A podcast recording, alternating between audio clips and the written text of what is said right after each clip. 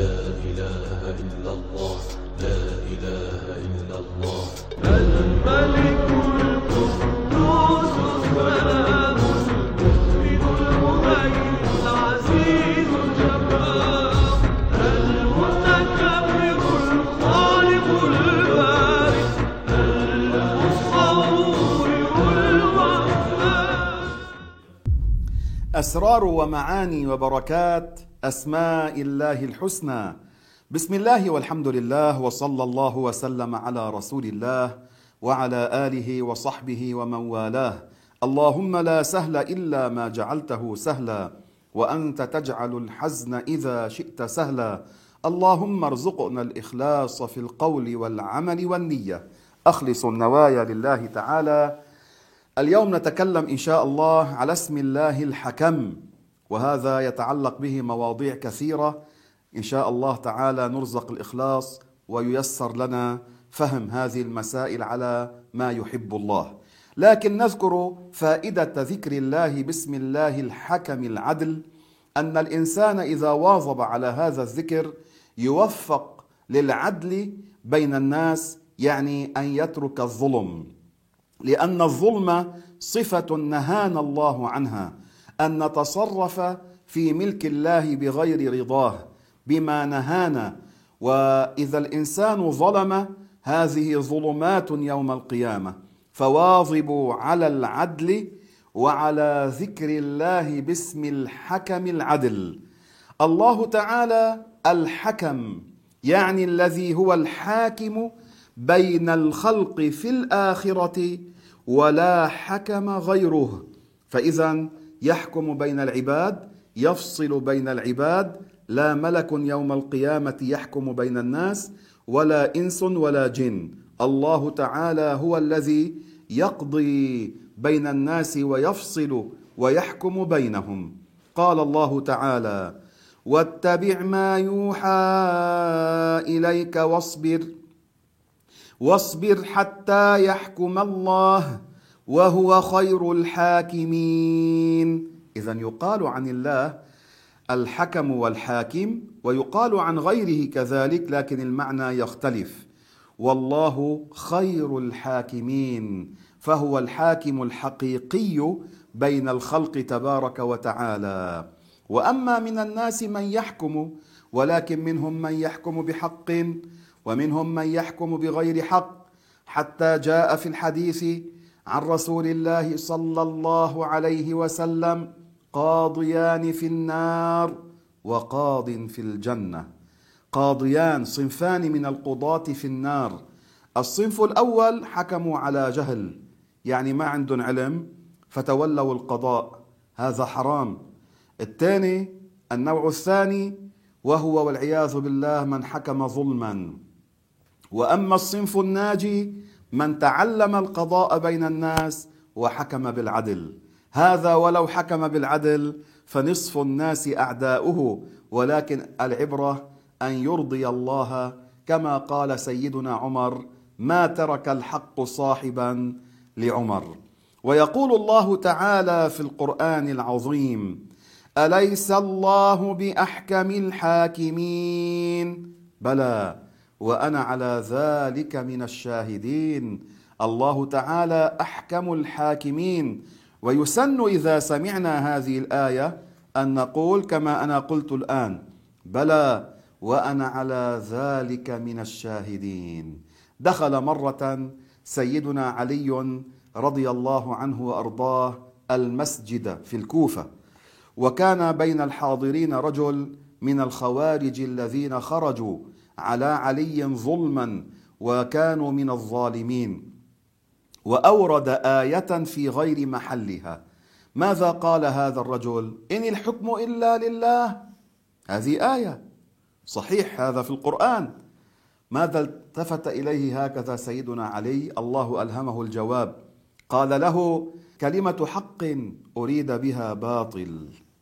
يعني أنت استعملتها على معنى فاسد.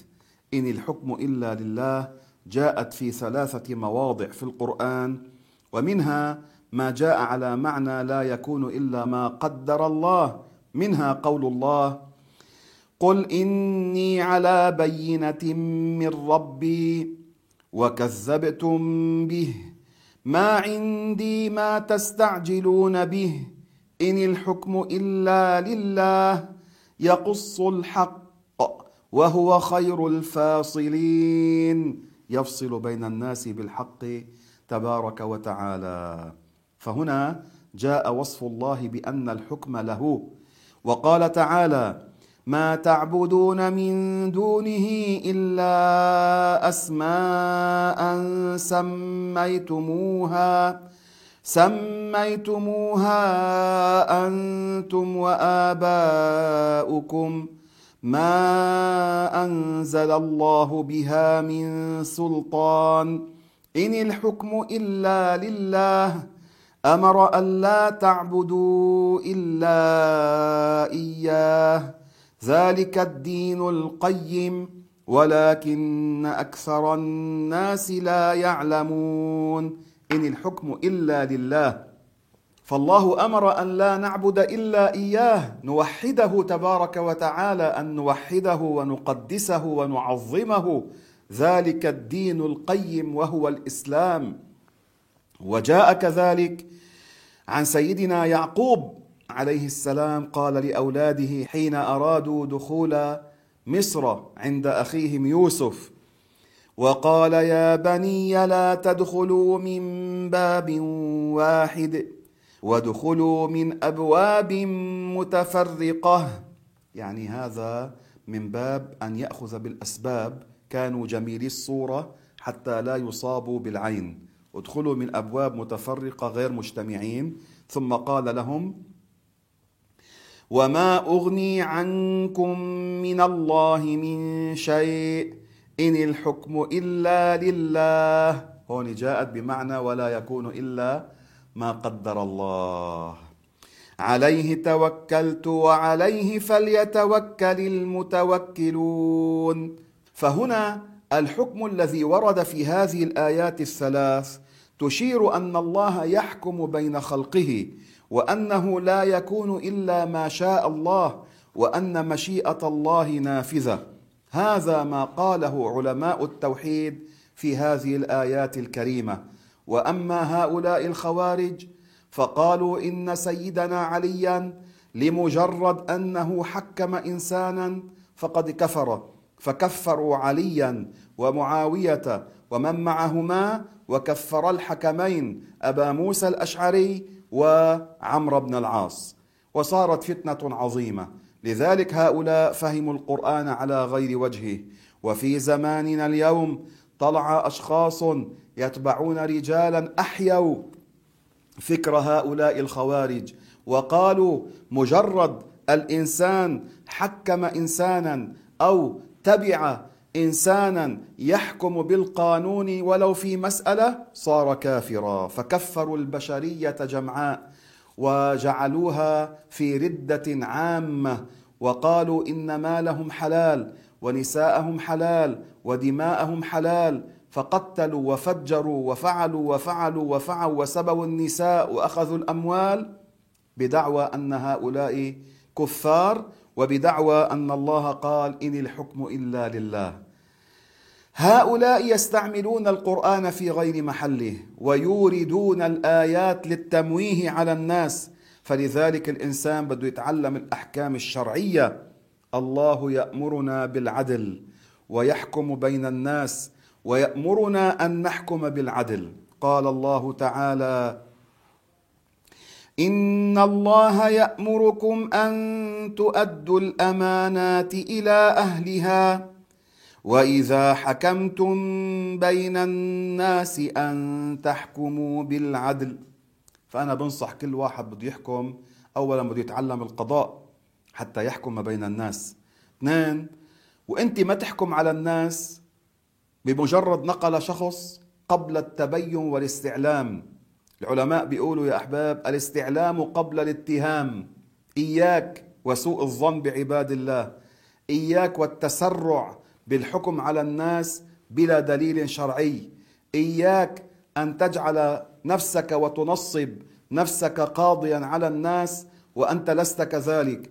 وحتى لو بده يسلموك القضاء فعليا تعلم شرع الله واتق الله فيما تسلم.